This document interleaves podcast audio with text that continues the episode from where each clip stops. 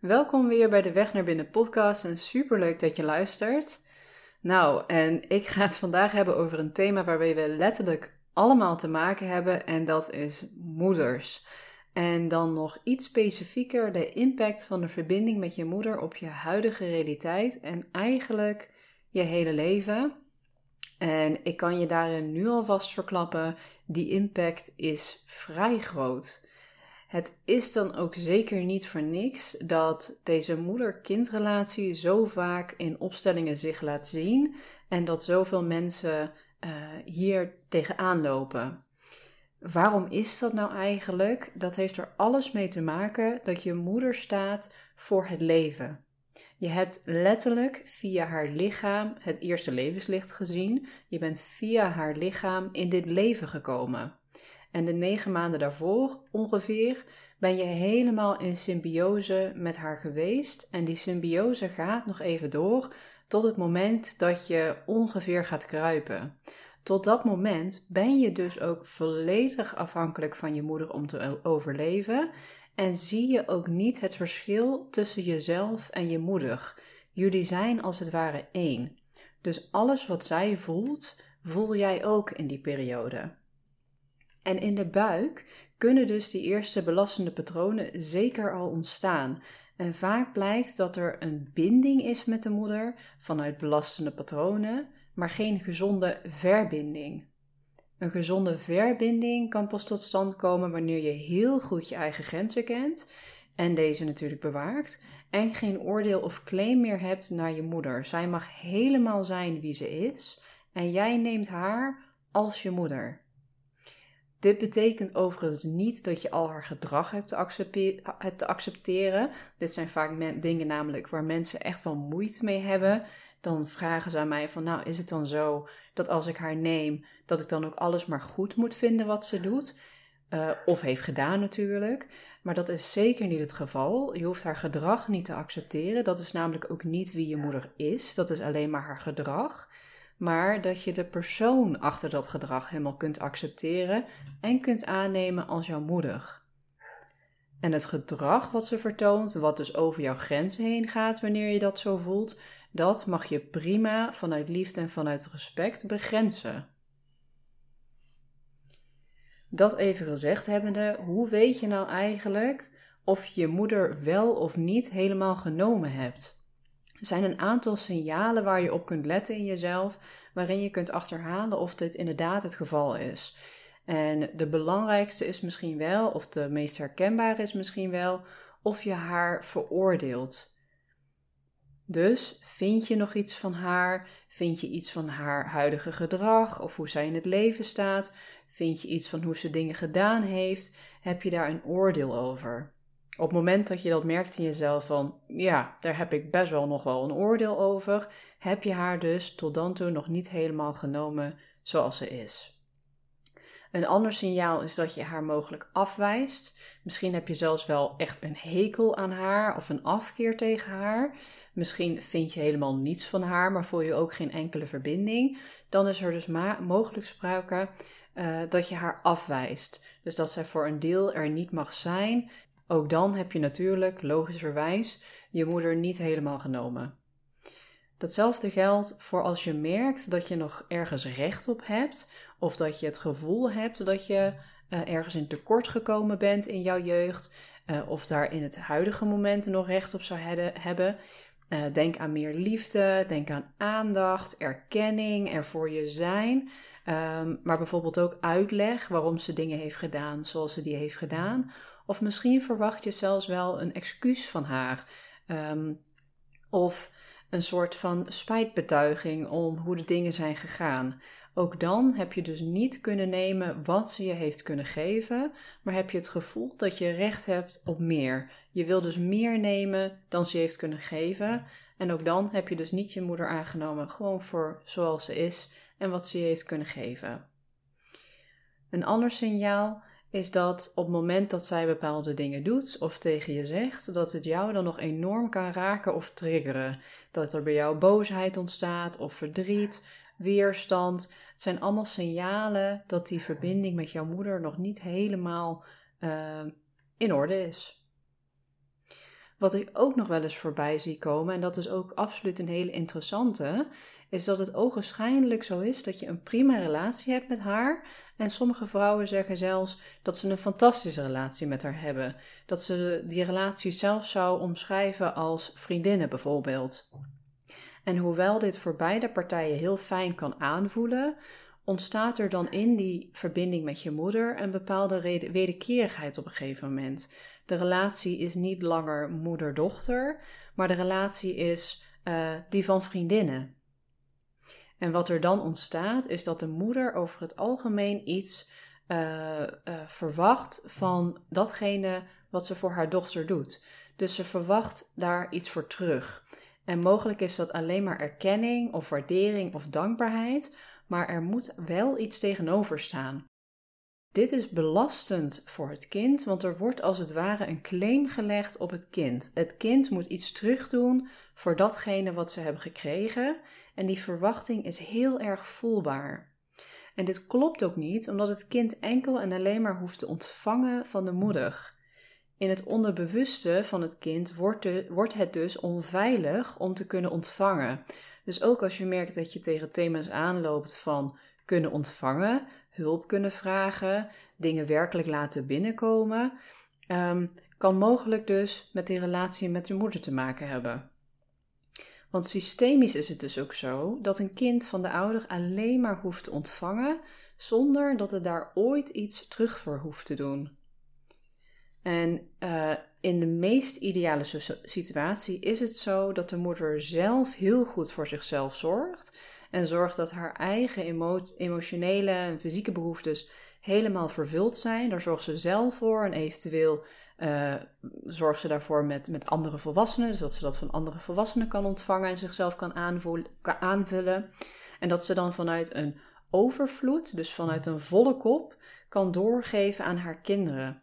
Dan is dat geven ook vrij van verwachtingen, dan is het vrij van wederkerigheid en hoeft het kind alleen maar te ontvangen. En helaas is dit natuurlijk in heel veel gevallen simpelweg een utopie en niet de realiteit. Goed, wat betekent nu dus samenvattend uh, het nemen van de moeder? Het betekent dat je haar neemt als moeder, als persoon, en dat je alles van haar aanneemt wat ze jou heeft kunnen geven, zonder dat je daarbij nog het gevoel hebt dat je recht hebt op meer of afwijst wat ze je wel heeft kunnen geven. En natuurlijk is het zo dat er diverse oorzaken kunnen zijn waardoor het voor het kind simpelweg niet mogelijk was, niet veilig was om de moeder helemaal te kunnen nemen. En daarvoor zijn, uh, daarin heb ik een aantal voorbeelden en mogelijk herken je die bij jezelf. Er zijn dus een aantal redenen en oorzaken waarom het niet kon. En allereerst eentje die je heel vaak tegenkomt in opstellingen, is dat de moeder zelf niet heeft kunnen nemen van haar eigen moeder. Hierdoor is zij behoeftig geworden en gaat ze proberen om die behoeften, die tekorten die ze heeft opgelopen, bij haar eigen kinderen te, te halen. Dit doet ze natuurlijk niet expres, dit doet ze niet bewust. Over het algemeen zijn de meeste mensen zich uh, maar heel weinig bewust van hun eigen patronen en hun eigen uh, belemmeringen. En wat er dan gebeurt, is dat eigenlijk de moeder-kindrol wordt omgedraaid. Het kind gaat geven en de moeder gaat nemen. En dit is natuurlijk belastend voor het kind, want die gaat zich verantwoordelijk voelen voor de moeder en mag eigenlijk geen, geen behoeftig kind meer zijn. Daar is geen ruimte voor. En dit uitzicht dus ook vaak bij moeders um, dat zij de emotionele behoeften bij de kinderen gaan halen. Een heel duidelijk voorbeeld hiervan is natuurlijk is dat de moeder alleen maar moeder is geworden omdat ze daarmee hoopt dat ze onvoorwaardelijke liefde gaat krijgen van haar eigen kinderen, dat er straks mensen zijn of haar kinderen zijn die voor haar gaan zorgen wanneer ze zelf oud is. Dus het kind is eigenlijk op die manier al belast geboren, heeft al een bepaalde taak om te vervullen voor de moeder, een bepaalde behoefte voor de moeder. Een andere oorzaak waarom het kind niet heeft kunnen nemen wat uh, de moeder te geven had, is omdat de moeder fysiek simpelweg niet aanwezig kon zijn, omdat ze bijvoorbeeld ziek was. Ehm, of omdat het kind een hele periode gescheiden is geweest van moeder op jonge leeftijd. Uh, denk bijvoorbeeld aan het moment dat je geboren wordt en je direct bij de moeder weggehaald wordt omdat de moeder geopereerd moet worden of omdat jij geopereerd moet worden. Uh, maar ook als je een tijdje in de couveuse bijvoorbeeld hebt gelegen in het ziekenhuis. Dus dan is het natuurlijk al direct niet mogelijk om van, de moeder, van de moeder te nemen, omdat ze simpelweg niet aanwezig kon zijn. Datzelfde geldt voor mentale afwezigheid. Dus op het moment dat de moeder mentaal niet aanwezig kan zijn, mentaal niet in staat is om aanwezig te zijn, omdat ze mogelijk met haar eigen trauma's bezig is of omdat er andere dingen in haar leven spelen, dat voelt voor een kind hetzelfde als fysieke afwezigheid. Daar voelt een kind geen verschil in. Wat ook regelmatig voorkomt, en dat is eigenlijk een beetje hetzelfde als mentale afwezigheid, is dat de moeder met een deel van haar ziel bij een overleden persoon is. En het is vaak zo um, dat dat uh, komt doordat er bijvoorbeeld niet gerouwd is over iemand die overleden is. Dat kan zijn over haar eigen ouders, misschien is ze op jonge leeftijd een moeder of een vader verloren, maar bijvoorbeeld ook over miskramen uh, of abortussen. En wat er dan gebeurt, is dat een deel van haar ziel, als het ware, bij die overleden persoon blijft, waardoor ze ook niet helemaal aanwezig kan zijn voor het kind.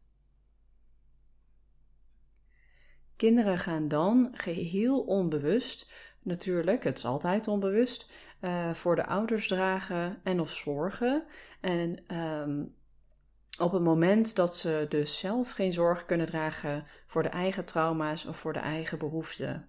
Een kind voelt dat feilloos en die gaat automatisch proberen om voor de ouders te zorgen dat de behoeften toch vervuld worden uh, en dat ze uh, voor ze kunnen dragen omdat ze het zelf gewoon uh, ja, niet lukt.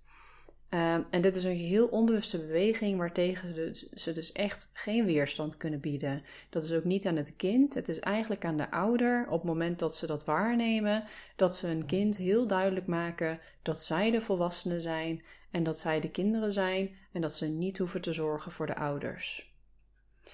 Wat er gebeurt is, is dat je als het ware uh, de last overneemt van je ouders en dat doe je in de hoop dat het dan lichter wordt voor hen. En daarachter zit natuurlijk weer de hoop dat ze je dan wel kunnen geven wat je eigenlijk nodig hebt. Want het gaat alleen maar over, over overleven. Dus op het moment dat jij voor ze gaat dragen, hoop je dat ze daarmee meer aanwezig kunnen zijn. En dat ze je dan kunnen geven wat je nodig hebt. En dat is onvoorwaardelijke liefde, dat is warmte, dat is veiligheid, dat is aanwezigheid. Daar hoop je eigenlijk op. En dit gebeurt dus in de onderstroom op zielsniveau en kan dus al gebeuren in de baarmoeder, terwijl je in de baarmoeder zit, en is vrijwel onzichtbaar. Op een gegeven moment gaat zich dat wel aan de buitenkant in de realiteit uiten. En dat uitzicht bijvoorbeeld uh, in patronen dat je jezelf onzichtbaar maakt, dat je het perfecte kind wil zijn, dat je dingen achterhoudt over jezelf, dat je je eigen behoeften uh, achterhoudt en niet uitspreekt. Allemaal om maar zo min mogelijk tot last te zijn voor je ouders, voor je moeder. Aan de andere kant kan het zich ook uiten dat je juist overmatig gaat helpen. Dat je juist heel erg aanwezig bent in het huishouden, dat je zorg gaat dragen voor je broertjes en zusjes, uh, maar bijvoorbeeld ook dat je een luisterend oor wordt voor je moeder, dat je min of meer de therapeut van je moeder wordt, of dat je haar gaat knuffelen en vasthouden wanneer ze het zwaar heeft en daarom vraagt. Uh, ook dat is een manier van zorgen voor de ouders. En hierdoor ga je als kind dus zelf ook van je plek weg, ga je zelf ook tekorten oplopen. En hoewel het je hele mooie dingen kan leren, je wordt er ook groot en sterk van. Uh, dat kan je veel brengen, het kan je ver brengen in het leven. Maar uiteindelijk is het erg belastend voor het kind.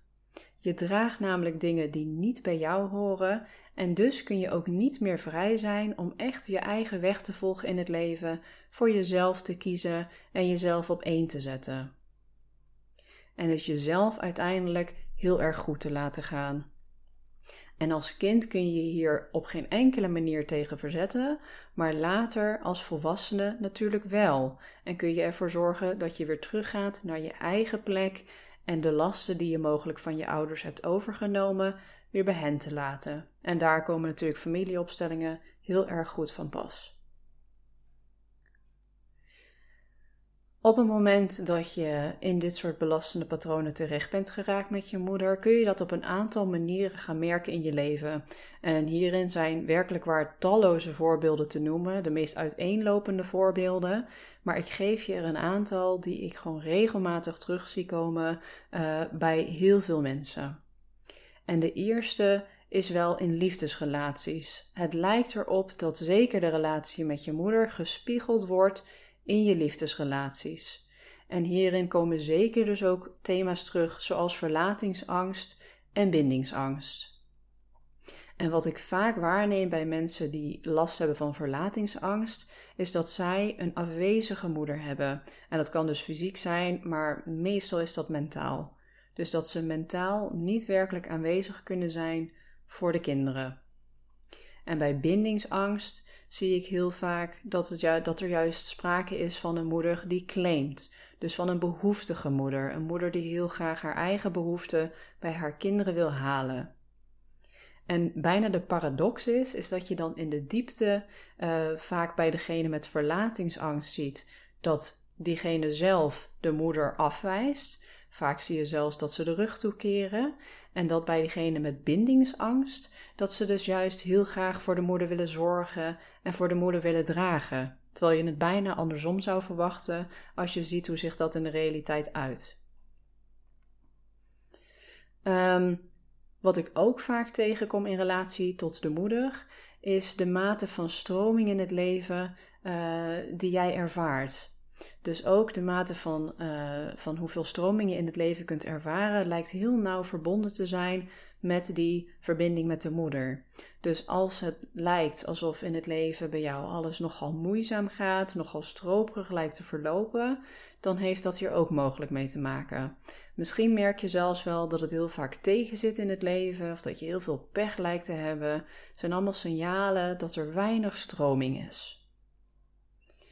Ook thema's zoals succes, en dat nou ja, gaat over financieel succes, materieel succes, maar zeker ook emotioneel succes, lijkt heel nauw verbonden te zijn met die verbinding met de moeder. En mogelijk kun je ervaren dat je bijvoorbeeld weinig levenslust hebt, dat je weinig energie hebt, weinig motivatie voelt en misschien wel weinig nut ervaart in het leven. Ook allemaal thema's die ik heel vaak in relatie tot de moeder terug zie komen. Ook een veelgehoorde is het moeite hebben met het werkelijk je eigen weg gaan in het leven. Je laat je bijvoorbeeld heel veel beïnvloeden door wat anderen mogelijk zouden vinden, uh, of dat anderen zouden willen van jou. Je vindt het heel moeilijk om echt voor jezelf te kunnen kiezen en het los te laten wat dat mogelijk met andere mensen doet. En mogelijk weet je misschien niet eens zo goed wie je nou eigenlijk zelf echt bent. En ook kan het zijn dat je weinig contact voelt met jouw eigen behoeften. En dat je misschien eerder heel erg aanwezig bent of bezig bent met de behoeften van anderen in plaats van die van jezelf. Ook dat heeft weer allemaal te maken met die relatie met moeder. Um, en het kan ook zomaar zijn dat je bijvoorbeeld de mening van anderen heel erg belangrijk vindt, maar dat je het ook heel moeilijk vindt om uh, in een groep jezelf te laten zien. Ook dat zijn allemaal thema's die mogelijk met de moeder te maken hebben. Ook zie ik vaak dingen terugkomen, bijvoorbeeld als bestaansrecht, jezelf niet goed genoeg voelen, weinig eigenwaarde ervaren. Allemaal van die thema's die heel vaak te maken lijken te hebben met de moeder. Een familieopstelling legt eigenlijk bloot wat er in de diepte dus aangekeken mag worden in relatie tot jouw moeder. Er ontstaat ruimte om die diepste kindspijnen naar de oppervlakte te laten komen en te doorvoelen. Dit klinkt misschien wat heftig, maar de emoties waarmee je dan werkt zijn primair. Dat betekent dat ze vaak maar kort duren, dat ze best heftig kunnen zijn, maar dat je je daarna wel direct lichter en meer opgelucht voelt. Uiteraard kun je ook moe zijn, maar je bent niet leeggelopen zoals je kunt ervaren wanneer je heel veel in secundaire emoties zit. En secundaire emoties zijn eigenlijk alle emoties die als een soort beschermlaagje over die primaire pijn heen liggen.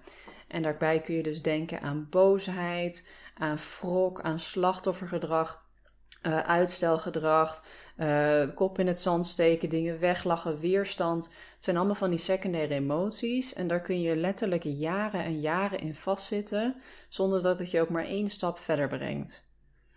De heling zit op de laag van die primaire emoties en daar uh, ga je met een familieopstelling vrij snel naartoe. En dat maakt deze methode natuurlijk ook ontzettend mooi om mee te werken. En op het moment dat het je lukt om je moeder helemaal te nemen, neem je daarmee het leven ook zelf. Zij staat namelijk symbool voor het leven. Zij heeft jou het leven gegeven. Dus op het moment dat je haar kunt nemen, tegen haar ja kunt zeggen, kun je ook ja zeggen tegen het leven. Het brengt je dan in verbinding met de stroom van het leven. Wat je dan waarschijnlijk zult merken is dat je ook beter in staat bent om op een gezonde manier verbindingen aan te gaan. Dat je je meer verbonden voelt ook met uh, het vrouwelijke in jou en alle kwaliteiten die daarbij komen kijken. En dat geldt voor zowel mannen als vrouwen. Denk daarbij aan creativiteit, de mate waarin jij je kunt overgeven uh, aan het leven, aan alles waarover je geen controle hebt. Uh, in de mate waarin jij kunt meestromen met het leven. Het brengt je in contact met je sensualiteit, om maar een paar voorbeelden te noemen. En uiteraard is het nemen van de moeder geen proces wat je eventjes doet. Je verloopt het uh, stap voor stap. Het is laagje voor laagje. En mogelijk kun je zelfs in een diep rouwproces terechtkomen, waarin je rouwt om de moeder die je nooit hebt gehad en misschien ook wel nooit gaat krijgen. En wanneer je daar helemaal aan kunt overgeven aan dat rouwproces, kun je terechtkomen in een diepe acceptatie om de moeder die je wel hebt gekregen. En dat, dat werkt natuurlijk heel erg helend voor die verbinding die je voelt met je moeder. Het is dan ook niet nodig dat je in de realiteit ook daadwerkelijk een hele goede verbinding gaat krijgen met je moeder. Um, het is een innerlijke houding die je aanneemt. Het is een innerlijke beweging die je maakt. Je hoeft alleen maar op zielsniveau je moeder te nemen zoals ze is. Het kan dus zomaar zo zijn dat het, omdat je dat simpelweg zo voelt vanuit, uh, vanuit zelfliefde, vanuit de begrenzing van jezelf, dat je geen eens meer contact hebt met je moeder in de realiteit, maar dat toch in de diepte je een hele gezonde verbinding met haar hebt. En dat heeft er alles mee te maken dat je haar gedrag niet hoeft te accepteren. Dat als je daar grenzen bij voelt, dat je die prima mag aangeven. Maar dat je de persoon achter de grenzen helemaal hebt genomen. Dus het nemen van die moeder, nemen van de moeder, is een innerlijke beweging. Gelukkig ook maar, want stel dat je moeder al overleden is, dan valt er natuurlijk weinig verbinding in de realiteit nog te maken, want ze is er niet meer. Dus het is een innerlijke beweging. Het kan natuurlijk ook zo zijn dat je uh, zelfmoeder bent en na het luisteren van deze podcast denkt van, ho, misschien leg ik wel een behoorlijke claim op mijn eigen kind, of sta ik niet helemaal op mijn plek ten opzichte van mijn kind. En het meest behulpzame wat je in dat geval kunt doen, is aan jezelf werken. Je eigen stukken aankijken en helemaal zorg dragen voor je eigen behoeften. Emotioneel, fysiek, het maakt daarin niet uit. Je zorgt gewoon helemaal goed voor jezelf. En je ten diepste beseffen dat je kinderen je helemaal niets verschuldigd zijn. En mocht je nu zwanger zijn, dan geldt dat uh, geldt precies hetzelfde. Het is het meest helend voor je kind om je eigen pijnstukken onder ogen te komen. En ja, natuurlijk voelt het kind dat in de buik op het moment dat je dat gaat doen terwijl je zwanger bent. Maar dat is helemaal niet erg, want die voelt namelijk dat jij als moeder verantwoordelijk aan het nemen bent voor jouw eigen pijnstukken, voor jouw eigen behoeften. En voelt dus ook dat het niet voor je hoeft te dragen. En merk je nu zo na het luisteren van deze aflevering van goh, ik denk dat er eigenlijk best wel wat bij mij zit en uh, dat ik mogelijk nog wel wat aan te kijken heb, dan staat het je natuurlijk geheel vrij om het zelf een keer te komen ervaren en je aan te melden voor een familieopstellingendag. Um, Mocht je hier meer over willen weten of je willen aanmelden, en dat geldt ook voor wanneer je interesse hebt voor de opleiding familieopstellingen, kijk dan vooral even op de website madelonalissa.nl uh, naar alle data die eraan komen en wat je allemaal kunt verwachten. Mocht je sowieso willen weten wat je kunt verwachten van een familieopstellingen, uh, dag, dan raad ik je zeker aan om ook even mijn andere aflevering te luisteren. Uh, ik heb er een aflevering over opgenomen, wat je allemaal kunt verwachten tijdens zo'n familieopstellingendag. Dus luister daar zeker naar. Zo, voor nu heb ik wel weer genoeg verteld. Ik ga zeker nog een aflevering opnemen waarin ik meer uh, inga op de afwezige moeder en de verlatingsangst die daarbij komt kijken. En een aflevering over uh, de claimende moeder, de behoeftige moeder en de bindingsangst die daar vaak bij zichtbaar wordt. Uh, dus vind je dat interessant? Blijf dan vooral mijn kanaal in de gaten houden. Ik zal beloven dat er niet weer zoveel tijd tussen zit, tussen de afleveringen. Um, dus die komen er zeker aan, mocht je hierin geïnteresseerd zijn. Voor nu wil ik je heel erg bedanken voor het luisteren. Hopelijk heeft het je allemaal wat inzichten gebracht en is er misschien in jou wat in beweging gekomen of op gang gekomen. Het zou natuurlijk prachtig zijn. En heel graag weer tot een volgende aflevering. Doei doei!